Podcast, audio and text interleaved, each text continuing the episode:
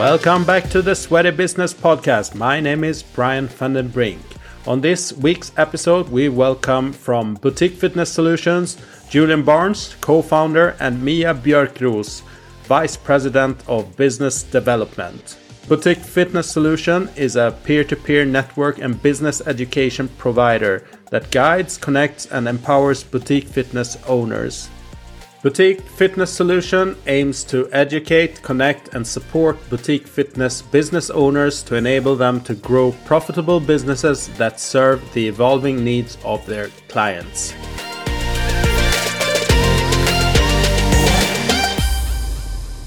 So, I would like to say a big welcome to the Sweaty Podcast and uh, welcome from Boutique Fitness Solutions, Mia Björkroos and Julian Barnes. Good morning, good Hi. afternoon. Thank you for having us. Really excited to to be here today with the Sweaty Business Podcast. Looking forward to a conversation. Yes, I'm really looking forward to this, and I think a lot of our listeners as well are uh, super uh, interested in digging a bit deeper in the boutique um, segment. Uh, I think there's a, a lot of development that will, uh, will occur uh, going forward in in the Nordic market. So this is kind of a new path for for many business owners and potential business owners as well. And this, um, yeah, the past year, 2022, we saw quite some boutique concepts uh, opening up in uh, primarily in Stockholm, but I would say in Oslo and uh, some other cities in Norway as well. So we're slowly getting there. It's exciting. Everyone has to start somewhere. Exactly. And um, why I thought this would be an interesting uh, episode is that we've been speaking for quite some while. I mean, uh, Swedes tend to look a lot at American culture, Am- Americans' innovations, uh, and we're quick to to adapt to that. But the boutiques haven't really been uh, that. Um, visible yet. I don't know wha- what's um, what the rationale behind that is, but uh, I think in general we have a very well uh, developed fitness market and uh, a lot of big chains that are dominating uh, the fitness market, big box gym chains. Um, and I think that uh, going forward, it's really hard to open up another big box gym if you're not an established brand. So I think that's why also some uh, entrepreneurs are looking into the boutique segment and seeing what, what what possibilities are there. So my hope is to inspire and uh, share some of your experience and, and knowledge in in this area, um, and hopefully they will also contact you guys to to learn more what possibilities are with the boutique fitness solution That- network. That would be exciting. All right, so uh, just a brief uh, background. Mia, you've been on the podcast uh, twice Yeah. um, from Sweden, but if you just give a short uh, recap on on who you are and where you are at in your career. Absolutely. Thank you so much for having me back, as always. So, uh, just a quick I grew up in Stockholm, right? And I ended up moving to US uh, to get a degree in exercise science and ended up staying. Um, a lot of people in Europe and Sweden that knows me knows me through my work that I did with Piloxing, uh, launching that brand in Europe and in Sweden. But I think one of the things that they don't necessarily know is that Piloxing actually started as a boutique in LA, a very successful boutique that had a lot of exposure, and um, it just was that they decided to go the trainer trainer route um, instead of growing the number of locations that they had. So I've been involved in the, the boutique space for quite some time, and it was a really natural transition for me when I decided to move and uh, move back to US again and uh, explore the boutique space. And, and Brian, we know each other literally from the time when you guys came over, and we did a tour on boutiques. What was that back in 2017? Yeah, something like that. It is one of the best tours ever. I was speaking to one of the, the guys who was on that tour, and he's, he also said like that was probably the best uh, U.S. visit that we've had. So we still remember it. Oh, well, that's amazing. I'm glad I was able to do it for you guys, and, and I had a lot of fun too. Um, but anyway, uh, knowing that and having had that interest, when I spoke to Julian last uh, year and about joining the BFS team, it was such a natural fit. So I'm I'm really excited to be part of the BFS team now, and um, also to be able to bring all the benefits um, that BFS offer to uh, to studio owners and to the market, even to Europe now and to Sweden to to really help support and grow grow the sector together. Great. And Julian, you're one of the two founders, right? I am. Uh, my business partner, Inti Etuck, and I formed BFS end of 2017, 2018. He's also the founder and CEO of FitGrid, which is uh, retention software for fitness studios. And we formed BFS uh, because we saw a lack of a lack of business training and community support resources being devoted to what at the time was the fastest growing segment of the fitness industry, and that's quoting data from IHRSA. Uh, and I believe that remains the case still today. And none of the larger legacy fitness organizations were devoting substantial resources to training and development and educating boutique fitness studio owners, executives, and managers on um, operating their businesses more efficiently. So we set out to fill that void. And five years later, some of those larger uh, fitness organizations have have uh, invited us to partner with them to bring our boutique fitness focused business education training sessions to IHRSA and to IDEA because we've been recognized as being uh, the premier business education provider in this industry. That's great uh, to hear, and congrats to, to that development. Thank you very much. But um, yeah, what are your uh, respective roles within uh, the organization? I try and stay out the way and let our capable team do all, all the real work. Um, no, seriously, you know, typical founder CEO role. I'm involved in strategy and uh, revenue generation and setting the vision and and uh, hiring the team and giving them all the resources they need to accomplish our mission, which is very simple: is to educate, connect, and empower boutique fitness business owners to help them launch, manage, and scale their business. Everything we do falls under that uh, that vision. So I am setting the tone and driving the team towards accomplishing that mission. And Mia recently joined us as our VP of Business Development to help us uh, grow BFS throughout the U.S. and throughout the world. And and it's through her efforts that we're here today. Yeah, she has a huge network around the world. So uh, I'm just happy to be be involved on a little bit S- piece of this. Same, same. Can't wait to see where where she takes us worldwide. just wait. I'm sure our listeners are curious. Like, who are your typical members? Do you have any brands that the European market might know of, and which are like the typical roles that are involved in your uh, networks and your events? So the brands that you're, I'm going to answer your question two separate ways. I believe the brands that your members are most likely to recognize are the larger brands in the United States. So I'm talking all the exponential brands like Rumble, Club Pilates, um, uh, Pure Barre, uh, Row House, and then F45 and Orange Theory and um, Barry's and Soul Cycle. Those are probably the global brands, but yeah. they're the minority of boutique fitness studios in the in the entire world.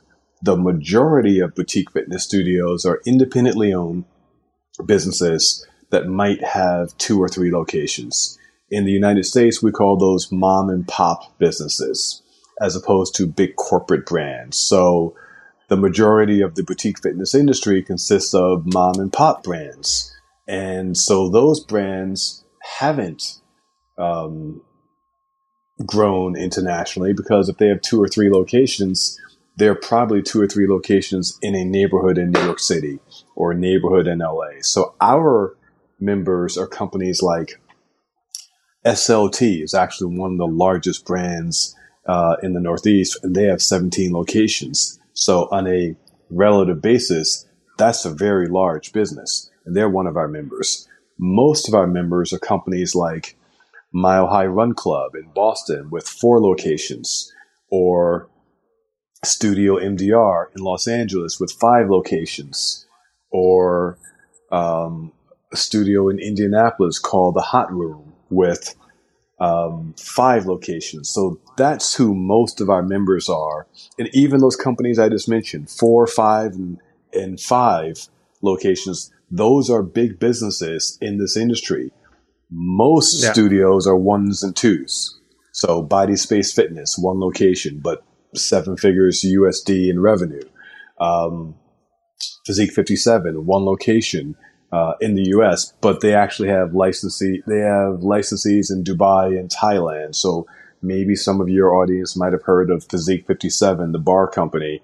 Um, who else? Uh, Fhitting Room is New York City, three locations, but Bikeland or Harlem Harlem Cycle or Harlem Kettlebell, those are all single location businesses, and that's who the majority of the industry is, and that's who we're supporting because they need to support more so than the global brands that I mentioned earlier. An interesting question is how do you define a boutique? I think um, if we really look at the Swedish market, there are a lot of places with boutique characteristics, but I don't think most of them would say that we are a boutique. So it would be interesting to hear from your perspective. How do you define a boutique? I think it's a really simple, simple definition. The key element of boutique fitness it's guided instruction. And that guided instruction can be delivered either in a group format or in small groups or individually. So boutique fitness studios um, provide this guided instruction in a welcoming and communal environment with an emphasis on delivering a premium client experience. The short way of saying that is any place where you can walk into an exercise facility and do your own program without any instructor working with you, that is not boutique. That's the majority of places where we can exercise. Think of that as mm. a hmm. do it yourself model. You swipe in, you check in, and you go lift weights or you go, um, you know, perform some other exercise you do what you want to do following your own program. A boutique is the exact opposite. You don't walk in and to a yoga studio and go through your own practice. You don't walk into a Pilates studio and do your own practice. You don't walk into an indoor cycling studio, hop on a bike and do your own program. That's not boutique. Boutique is very clearly about guided instruction from someone who knows more than you about how the body works and moves. And that guided instruction can be in private sessions, in small group sessions, or in large group classes. Mm, great. That's a very precise definition.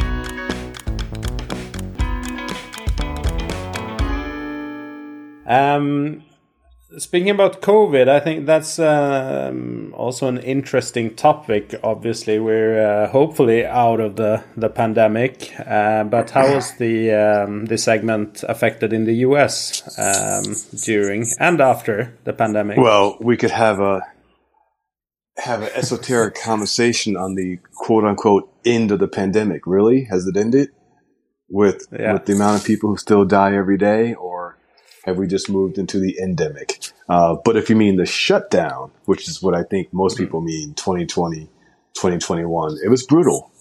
It was brutal for the industry. I listened to uh, your um, interview with the new le- leader of Active, no UK Active, and I remember yeah. what what you guys were talking about in terms of how the fitness industry learned the European fitness industry learned in 2020, um, and I may be overstating it, but the US is the exact same. We all learned that we were not politically connected. And a global pandemic is not the time to learn that you are not politically connected because you need government support to survive an unprecedented situation like the global pandemic. And we didn't have it here. We weren't organized. Remember, when I defined the industry, I said mom and pop is the majority of the industry. Well, mom and pops are working eight days a week just trying to stay in business. They're not thinking about larger issues like lobbying um, at the city, state, or federal level. So, because we were one, we fitness was one of the largest industries in the United States that was that did not receive any government support, unlike restaurants, unlike Broadway shows, unlike universities, our industry was slaughtered. 30%, according to IHRSA, like to always cite our stats, according to IHRSA, 30% of studios closed. Um, and wow. that stat is from last year. I know studios that have continued to close. Um, so we'll probably end up somewhere around 65, 60% of studios that were in business on March 1st, 2020 are still in business today. Now, what's not represented by that stat is the number of businesses that have opened. You know, so um, last week I had the opportunity to speak at uh, at a conference for a small franchise in the United States, and half of those franchisees opened their business during or since the pandemic began. So yes, we lost 30%, probably more of businesses that existed pre-pandemic, but we've also picked up a lot of new businesses that have that have opened during the pandemic. Um, so that's the global response to your question, but, but, it's been a challenge. You know, one thing we've been doing uh, at BFS is since our inception is uh, conducting state of the industry reports, and we used to do them annually. And then during the pandemic, we started we started uh, publishing them qu- twice a year, and most recently, we've started publishing them quarterly. So our last report was from the fall of 2022, and every report we asked the same questions: What are your top three business challenges? And the answer to that question has not changed since the pandemic began. The top three have always been client acquisition, developing a growth strategy, and client retention. I'll say that again. Right. Client acquisition, developing a growth strategy, and client retention are currently and have been the top three business challenges for studios since the pandemic began. What do we, what do we really mean? Well, depending on where you live in the United States, your studios may have been, if you're in New York and Los Angeles, your studio was forced to close by the government for 54 weeks. That's a year plus. Some parts of the country, you were only closed for two months. Regardless of how long you, so if you were closed for a long time and you're in New York or LA, which are the hearts of the boutique fitness industry, and your staff didn't have a job, well, they left. They moved. They moved out of the city. They went to, uh, they went home. They went to other regions, or they found other jobs. You know, lots of stories of of former staff becoming nurses or moving into technology fields. And so now, if you ask people, studio owners, what one of their biggest challenges is, increasingly staffing and retention uh, or mm. staffing, and I don't mean instructors, I mean front desk staff and managerial staff is a huge challenge. And that's not just a challenge affecting the fitness industry, but I'm constantly reading about hospitality industry staffing shortages, um, hotels, restaurants. This morning I read about uh, Domino's pizza delivery in the United States having a driver shortage. Uh, I just saw a report on CNN this morning. The number of people looking for a job is at its lowest level, eh, lowest level ever, and the number of jobs available are at the highest level ever. So that makes it extremely difficult for a small business owner to find talented staff who's willing to work at the lower end of the pay range because again, small businesses aren't paying global six figure salaries. So, so these yeah. are the challenges that studios have. And, and what I like to remind studio owners is that they don't live in a bubble. They may have thought they lived in a bubble pre COVID, but they live in a global economy. And these challenges that we just talked about are affecting numerous industries, not just boutique fitness. How do you think the, the industry can cope with this? Because, I mean, it's uh, instructor led and it's, I mean, staff studios. Uh, how can we, as an industry, work to, to become more attractive and still find uh, competent people that are willing to work in the industry? Well, what I'm about to say is probably it's definitely not a widely held view yet, but I don't think there's any way of of avoiding the reality that our industry has to incorporate technology more, more automation. And here's what I mean. A couple weeks ago, I was in Midtown Manhattan. I live in New York City. I was in Midtown Manhattan. I went to Whole Foods, which is one of our premium uh, grocers that has a bunch of little cafes inside. And I went to the counter um, at one of the cafes and I asked the chef, where do I place my order? And he told me to turn around and he pointed to the kiosk. Hmm. At Whole Foods, a company owned by Amazon, where they were preparing a meal for me and I was told to place my order for that meal, I need to use a kiosk. Now, I completely understand that. The reason I believe that concept is going to be resisted within the boutique fitness community is because when I defined it for you, I said with an emphasis on delivering a premium client experience. And most yeah. studio owners would probably say that you can't deliver a premium client experience with technology and I want to reiterate, I was at Whole Foods, which is arguably the most premium grocery store in the United States, at least on a, on a, on a chain level.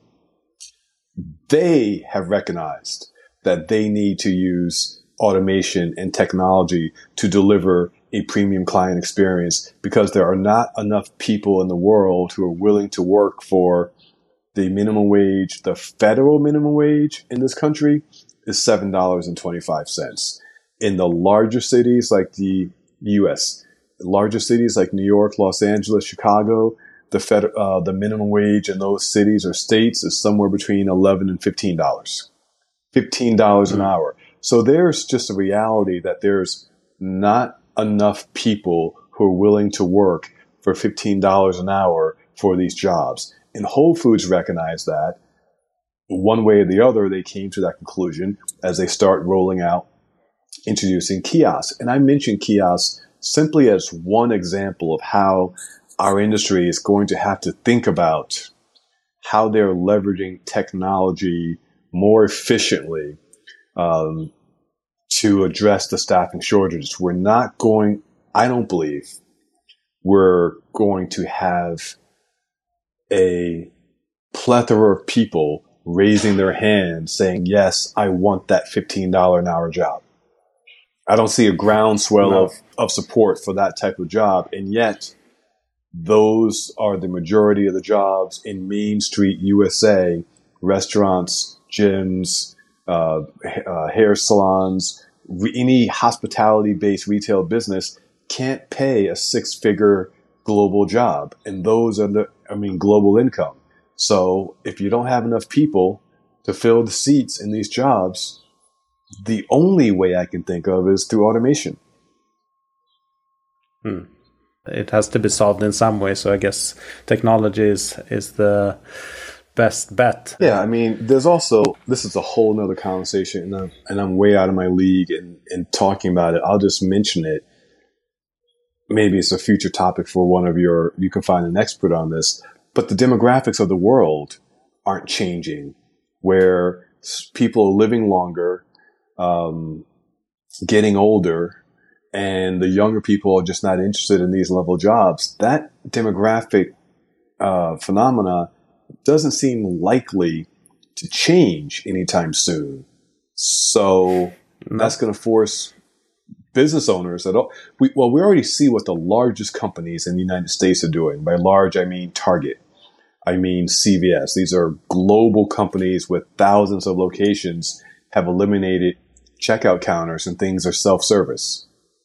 Okay. But those aren't premium businesses. Same challenge, not a premium business. I think we as an industry are going to have to figure out other ways to use technology to provide a high touch without assuming high touch can only be delivered by humans. And maybe it's like pick mm. and hmm. choose what's high touch. In fact, just think about last time you checked in at an airport. When's the last time you actually spoke to someone at the counter? Even your uh, the check-in process. Now they send you check-in on the app. Then you get to the airport. Maybe you use a kiosk, and now there's like one person who is helping the travelers at ten different kiosks. Right.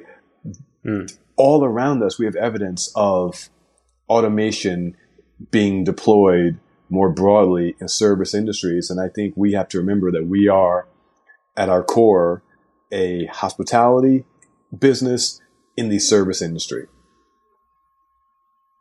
Mm. Yeah, that's completely true. And I, I often use the airports as an analogy to the fitness industry in this regard. I mean, what I uh, I personally perceive as a high service level is actually uh, that I can do a lot of stuff by myself when I want to do it, and it frees time for me to spend more time in in the shopping area or in a restaurant rather than standing in a queue just to have someone look at my passport and put a, a tag on my on my luggage. So I'm completely with you there. Exactly right. So listening to to what I just said may sound like I have a like I'm predicting a dire future for our industry, and the that is that could not be further from the truth. Um, so, if you don't mind, I like to explain why I am as optimistic as ever about the future of this industry. Sure. You know, staffing challenges can be figured out, but at the end of the day, the staffing challenges are a result of increased demand. And one of the things that happened during the pandemic is people became aware of their mortality. People became aware of the role of the relationship between their fitness and their health, recognizing that if they are more fit, they were at a lower risk of of uh, contracting severe COVID.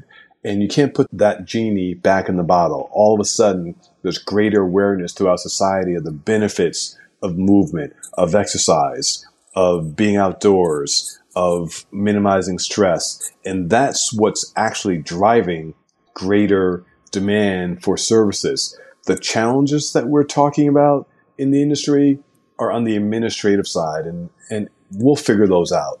We'll figure out um, how to handle the impact of work from home. We'll figure out how to handle the impact of, of staffing shortages. I don't want to minimize that, but the real opportunity is what's driving the need for more staff. And that's greater demand from consumers for programming to help them live healthier lives. And I think it's been unequivocal that we've seen over the last couple years an increased demand among regular consumers, non hardcore fitness enthusiasts who all of a sudden realize, oh, maybe I need to think more about what I'm eating. Maybe I need to move my body more. Maybe I need to think about mobility and stability and and stress relief. Those are the key drivers of the future of our, of our industry, along with the fact that, at least in the United States, only 25% of people are moving 150 minutes a week as recommended by our government. So that means 75% of the population is not moving. And so for all the fitness providers, regardless of whether it's big box, independent, fit pro, boutique fitness. I always say our competition is not with each other. Our competition is with the couch and Netflix and inactivity. And with 75% of the population not moving as much as they should, there's plenty of opportunity for fitness providers to go in their community and find people who are interested in moving more and deliver those services. That's the driver of the upward trajectory that I foresee in our industry, we'll figure out the staffing challenges and the other behind the scenes admin challenges. Yeah, that's uplifting to hear, and I think there is a there is a general positive attitude towards the fitness segment in in Europe as well.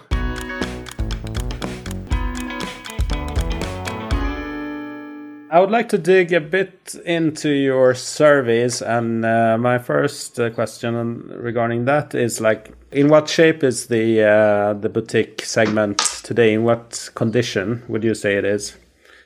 It's mixed, right? So, first of all, the companies that we surveyed in the fall of 2022 were among the 70% that survived. So let's start off with that. They survived. You know, big round of applause and kudos for any small business in any industry being able to survive a global pandemic.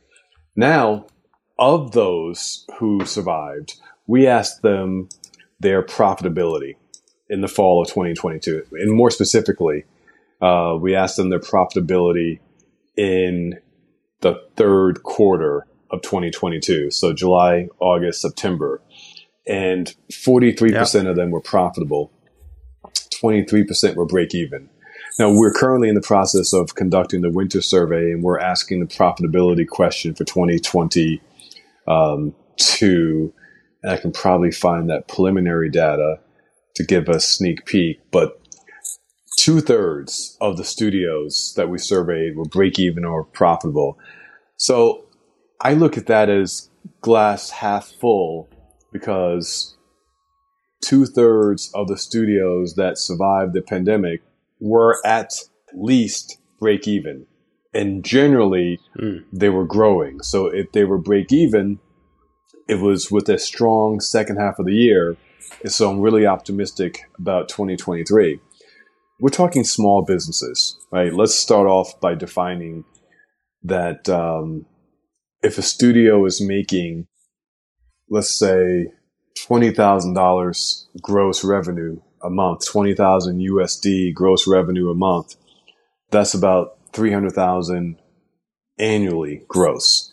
That's close to, I would say 300 to 400,000 US dollars is close to the average revenue per studio in this country, right? I'm talking about mm. the small studios that are, that are the majority of the industry. So my point is when you're at 20,000 a month. The difference between profitability, break even, and running a loss could literally be a thousand dollars. We're not talking tens of thousands of dollars. So that two thirds is positive and growing. And I think the companies that are at a loss are not far behind based upon what I've been hearing. So I expect that a year from now, that the number of studios that are unprofitable will be uh, a significantly smaller percentage. So, um, another question that comes up in discussions with uh, people in the Swedish and European fitness community is like, do boutiques work outside the main cities? Uh, the answer is unequivocally yes. Well, first of all, let me go back to my definition of boutique. You might remember I said mm. that the guided instruction is provided in a welcoming and communal environment. Communal being the key word there, not the biggest environment. So you don't need a lot of people for community. Three people can be a community, right? Mm. Um, the other premise of your question, can they succeed? I think you said requires people to define success. And I've said a couple times today that the majority of the boutique fitness industry in the United States is what we call mom and pop businesses, small companies run by individuals as a family style business. They're generally their definition of success is can they pay themselves enough to live the quality of life that they want? Um, they're not generally running a a small business with the expectation of becoming a millionaire. So I think you have to, anyone asking that question has to start with what's the definition of success? And if success is really mm-hmm. having control of your life, being able to make decisions about your life, being able to afford the quality of life that makes you happy, then I think we can say unequivocally, based upon a mountain of evidence, that boutique fitness studios can thrive in what we in the United States refer to as secondary and tertiary cities. So, for example, last week I was speaking at an owners conference uh, in a in Knoxville, Tennessee, with a population of 100,000. As a New Yorker, I would consider 100,000 a small city, but I was also educated in the South, and I know that 100,000 is not a small city. That small, the South and most of this country is actually consists of towns of, you know, 15, 20, 25,000 people. And so yeah. at this conference last week, the majority of the studio owners there were from small towns, which made Knoxville feel like a big city to them. And these studios weren't generating a lot of money on an objective basis, but they were profitable because the flip side of operating in a small town is that your costs are lower. You're definitely going to have some staffing challenges, right? You don't have an influx of people uh, coming in every every yeah. day like you do in big cities. But as the owner of this franchise told me, her franchisees are only paying maybe two or three thousand dollars a month in rent, and then their payroll is maybe one or two thousand. So if they're making hmm. 15,000 gross and they're only paying one third of that for payroll and rent, then you throw in another thousand maybe for technology or another 2,000, you're getting pretty close to 50% profit margin at a small amount. And this yeah. company has 25 franchises and I can give you, and they're all in small towns, right? So, um, there are huge advantages to being in New York City in Los Angeles, in Chicago. But one of the biggest disadvantages is the rent. We have members in New York City mm. paying twenty-seven to thirty thousand dollars a month in rent. It's hard to sell enough thirty dollar yoga classes to equal thirty thousand dollars in rent. So the benefits. So your question: Can boutiques survive, succeed in smaller cities? I would say you can make a very strong argument that it is a lot easier to succeed in a small city because your cost of operations are substantially reduced. Now, you're not going to become a hmm. millionaire, but if we're defining succeed as having a nice quality of life in a small or mid-sized town, then yes, you can absolutely do it. And we know that because it's been done consistently. I think I can jump in here a little bit as well. And I, because I think this comes back to what Europeans really think of boutiques, right? You think Barry's Bootcamp, you think Soul Cycle. That's the general definition for most European that I speak to that they say first, you know, not thinking about the small studios that Julian has been bringing up throughout this entire session. And uh, if we actually look at it, there are already a lot of boutiques that has been around, if we look at our definition of it, when it comes to smaller yoga studios, Pilates studios, but maybe that we haven't really brought in into our conversation yet in Europe. Um, and from that perspective, you know, they are already out there and they're already running successful in their definition, successful businesses.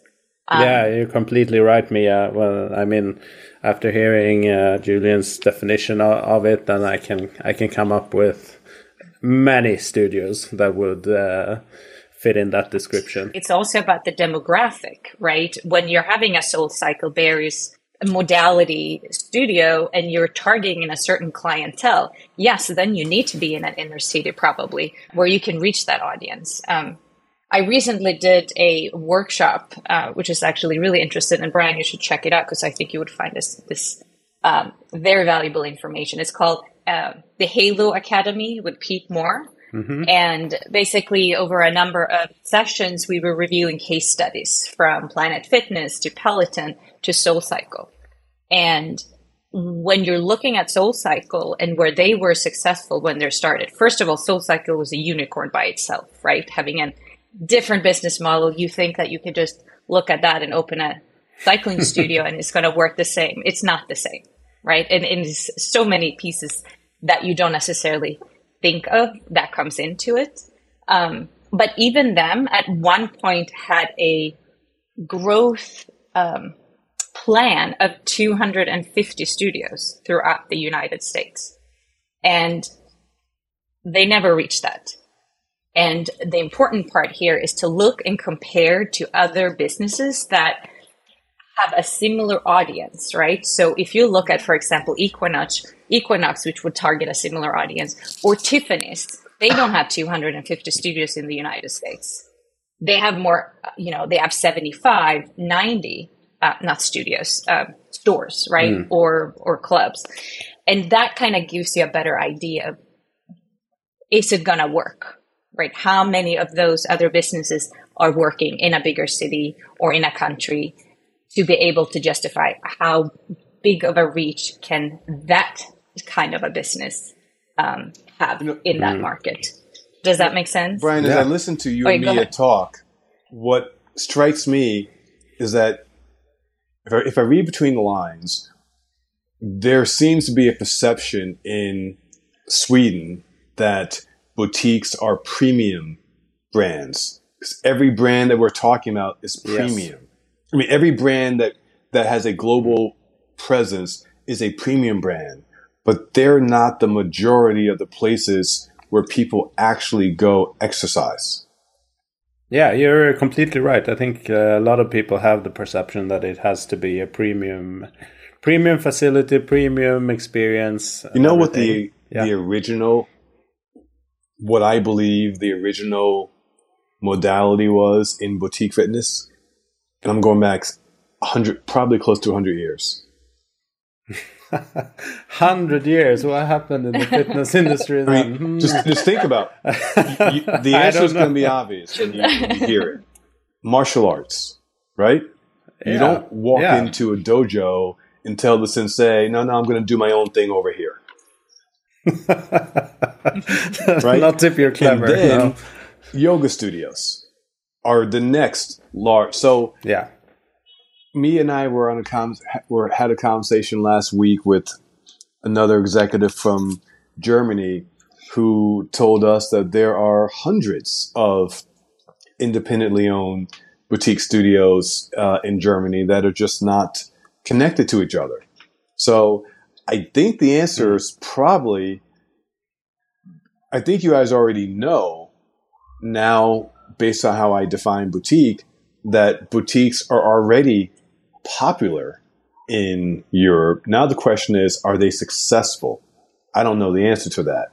Um, but you don't have to be a premium brand like Barry's and Soul Cycle to be boutique. If there's an instructor teaching three or four people together in a class a couple times a week, that is boutique. Yeah, and actually, you know, talking about the martial arts, when I was back in Stockholm, I believe in almost at 2019, I think I I I visited a couple of different studios, right? And one of it was a martial arts studio that offered a variety of group classes too, and they were hugely successful. If you compare to the attendance in those classes compared to a traditional gyms or even if you're comparing to a small studio, they had tons of people. They had 40 people in, in some other classes coming in, um, if not more. So that's a great example of a place that's already existing that maybe we just haven't included in this definition and in the conversation yet. Mm. Um, that I think it's important we start talking about.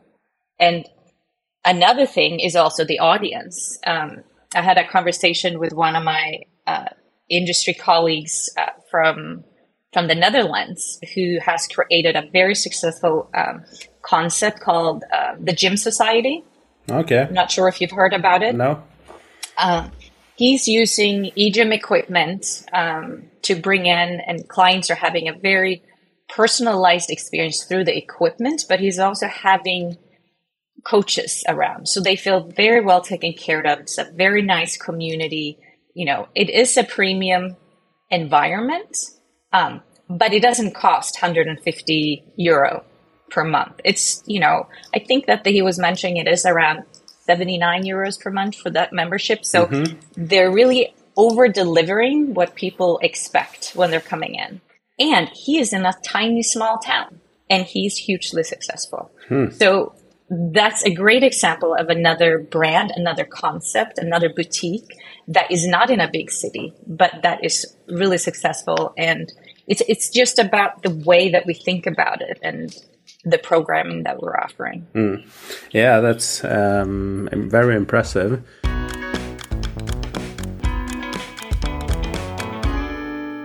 I would like to ask you guys because um, there is a. I think also the perception here is that a boutique is a pay as you go model rather than traditional gym subscription monthly fees. What is your take on that? Does it really matter, or is either one better than the other, of any yeah, specific reasons? I don't think that definition does not exist, or that perception does not exist here in the United States. Pay as you go. Um, it started out that way back in 2006 with Barry's and Soul. Um, there was a desire to create flexibility in the business model when this industry first started out almost 20 years ago. But people realized, the business owners realized, either right before the pandemic and definitely during the pandemic, that they need recurring revenue. I would argue that one of the most important words that any business can have is monthly recurring revenue. And so mm. we've seen that the vast majority of studios we work with that survived the pandemic have a membership model. And there are different levels to which the companies rely on the membership model, but the more successful companies with the greater profitability um, tend to have recurring revenue from memberships. I think it's a huge mistake for a studio to not have a membership model. Mm. I think um, traditionally, when we think of memberships, right, we look at this the gym industry, the, the big box. We're thinking unlimited. People can visit, you know, as many times as they want. But a lot of the boutiques, unlimited and memberships actually have a limit to the amount of times that you can visit that studio. Right. And that's hugely important to make sure that you are able to have enough members to cover everything and to make a profit because you have limited space. So you have limited number of people that you can bring in. So, you know, you look at, I, I believe Orange Theory and, and a lot of the other ones. And Julian, please jump in if, if you know more, but, um, you know, you can have an unlimited membership and you can join eight times a month or, you know, 10 times a month. And that's also a membership. Yeah. So membership um, definitely does but, not mean unlimited solely. That is one of the one mm. of the mm. shifts that we saw out of necessity when studios reopened in the United States. They didn't reopen at full capacity. They were limited by governments to one fourth capacity and one half capacity. So when your capacity is limited, you can't have. It's like a it's like a buffet, you know, at a restaurant. If you have limited seats in your restaurant, you can't let one person come and eat at the buffet every day. You need to have more seats available for more people. That forced some studios to rethink unlimited. So membership does not mean unlimited membership. Membership really means recurring revenue either a four pack, eight pack, 12 pack, 20 pack of classes. So it's recur- your credit card is being charged every month for whatever number of sessions you want. That's critically important. I would say it's fundamentally important for a boutique fitness business to have recurring revenue. And again, we've talked a lot about restaurants as a comparable business and there was an article recently in the Wall Street Journal about how large restaurants in the United States are moving towards a subscription business model for things like unlimited coffee. We have a chain over here called Panera Bread, and we actually have a chain that that started in Britain, uh, Pret Pret a Manger, both of those have um, coffee subscriptions, like six, seven, eight dollars mm. a month, unlimited coffee. Right? They want the recurring revenue, and they assume that if you're going to come in and buy coffee, you're probably going to buy something else.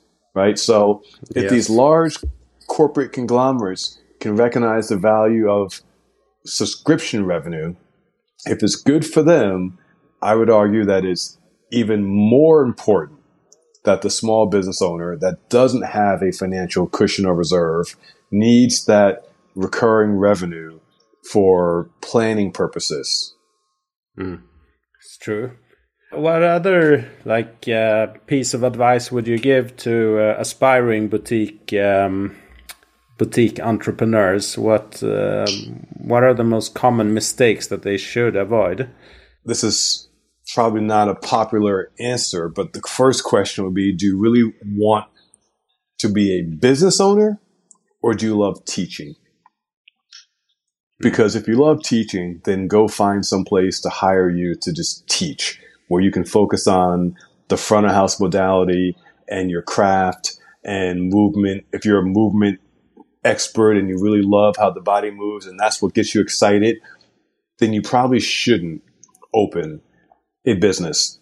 I think the challenge this industry has is too many people want to open their own studio because they have a passion for their modality and they don't have a passion for business.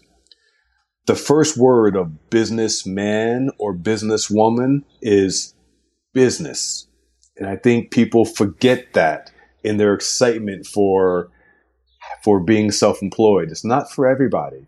If you don't love doing bookkeeping, you don't like having conversations about uh, taxes and contracts with your workers and negotiating with your landlord, and if you don't like marketing and talking about sales funnels and conversions, then you shouldn't own a business. Any business. You should go work for somebody. But if you, one of two things, either you have to find a business partner who loves the business of running a business, or you need to be willing to develop the same type of proficiency in the business side of your studio as you have on the modality side, because modality expertise alone is not going to be sufficient to keep you in business. And if you're not generating enough revenue, you can't stay in business. And if you can't stay in business, you can't actually have the impact on your community that you want to have. So you can't stick your head in the sand and say, I'm just going to teach and everything else will take care of itself. That's not true.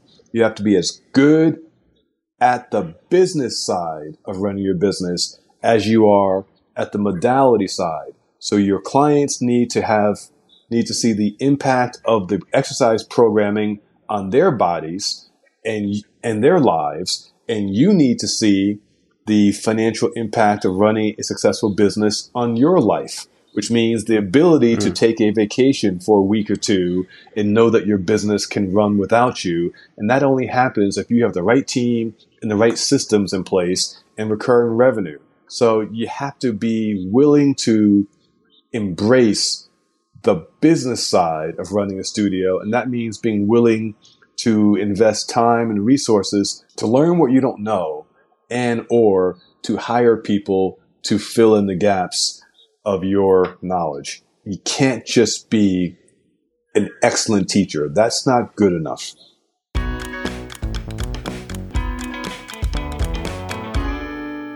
I usually have a section in this podcast in the beginning that are and this is usually one of them but I, I, added this to the main section of the podcast and it's like um, i don't know it could be something philosophically or or just something really hands-on but if you would um, have your say on uh, the one thing that the fitness industry needs to rethink uh, that would be? Oh it's easy. I say this all the time. I would eliminate the word workout. Who is excited about a word where the first four letters include work. That's true. Never, never thought of it, of it in that way. Okay. I'm going to my movement class. I'm going to my exercise class. I'm going to my physical rehabilitation class. and I'm I'm being stereotypical here. When young women go to cardio dance classes, do you think that they're telling their their best friends that they're going to work out? No, they're going to move their bodies, No. dance around, jump up and down, and feel good about themselves. We should be using words that are welcoming and inviting to people. It it really doesn't make any sense that we talked about 75% of the population doesn't move their body enough, which means they don't fully understand how they will feel after endorphins are, are flowing through their bodies. Like we all, those of us on, listening to this podcast know the endorphin rush we get after exercise. People, people hmm. pay money for drugs and alcohol to get that same rush and you can get it from exercise and you don't need to pay anything to get that rush. It doesn't make any sense that we as an industry have a hard time selling the emotional response we get from exercise. And I think that is a branding marketing issue that we have failed at to tell people, hey, you know how you feel good after after a cocktail or two? You know how you feel good after sex? You know how you feel good after recreational drugs? Guess what? You could feel the same way every day by moving your body for 15 minutes and it won't cost you anything. And which means you'll save a hell of a lot of money and it's cheaper. Doesn't make sense that we have to beg people to move their bodies in a way that makes them feel good. And I think it starts with the use of the word workout. Hmm. Mia, do you have any thoughts? Well, I mean, I think that one was the best one I've heard. Julian, you haven't brought that up to me. I think it's, I heard recently too, in, in regards to the words, it's how we use wellness, hmm? right? And how that, where does wellness come from? And it comes from the opposite of illness. And is that what we really want to talk about? So that conversation about wellness versus well-being and how do we communicate? Again, coming back to what Julian was just saying, the way that we're communicating, bringing the whole social aspect in, removing the barriers that um, that are intimidating for people. You know, going into a gym, working at something that you're not comfortable with, and I think that's where the boutiques have a really powerful place because we can create different communities, different environments that are inviting in so many different ways and that we could reach a much much larger larger target audience with mm. so All right, uh, we have um, we reached the end of this podcast. I had um, I have more questions, but perhaps we'll do a follow up, um, perhaps later on this uh, this year, and see because then you've had uh, even more studies and more results coming in. So we could do do a follow up with some other questions that I have, but we'll save that for for later. Um, if um, someone who's listened to this episode wants to uh, get in contact with you, I guess most of them are in Sweden, Norway, and some in Europe. Uh, Mia, so where where can they find you? they could just send me an email mia at boutiquefitnesssolutions.com um, or find me on linkedin and reach out and i'm happy to jump on a call to tell them more and, and help with any questions that they may have Great. I'll put your email address in the um, in the episode description as well, so you can find it there easily. And you can put my LinkedIn on in the in the description as well. I'm pretty active on LinkedIn, and our Instagram Yeah. is uh, boutique fit f i t solutions. Boutique fit solutions. So we are the company is active on Instagram. Mia and I are active on LinkedIn, and of course our website is boutiquefitnesssolutions.com. Yeah, I'll put it all there in the um, in the description. Um, so I would like to thank you guys a lot for this uh, conversation. Uh, it gave me a lot of um, yeah new insights and views on on some some stuff. Uh, really really interesting, and uh, I hope that the listeners also uh, feel the same. I'm sure they will. Well, we really appreciate the opportunity. It's, it's, uh, it's been a great, op- great pleasure to have this conversation with you, and learn more about what's happening in the European market as well. Thanks. Uh, the final question of all episodes is: Which song should we end the um, the episode with? Well, I had the honor to to make this choice, and it actually is perfect ending to the conversation that that you were just bringing up, Julian, because I always want to pick a song that has some meaning to it. So I decided to pick a song that represents how I feel when I exercise. So, Pharrell Williams and Happy. There you go. Happy. Great. And that's why she's our VP of Biz Dev, because that's a perfect answer, and I would never have thought about it. All right. Thanks, guys. All right. Thank you. Thank you so much, Brian.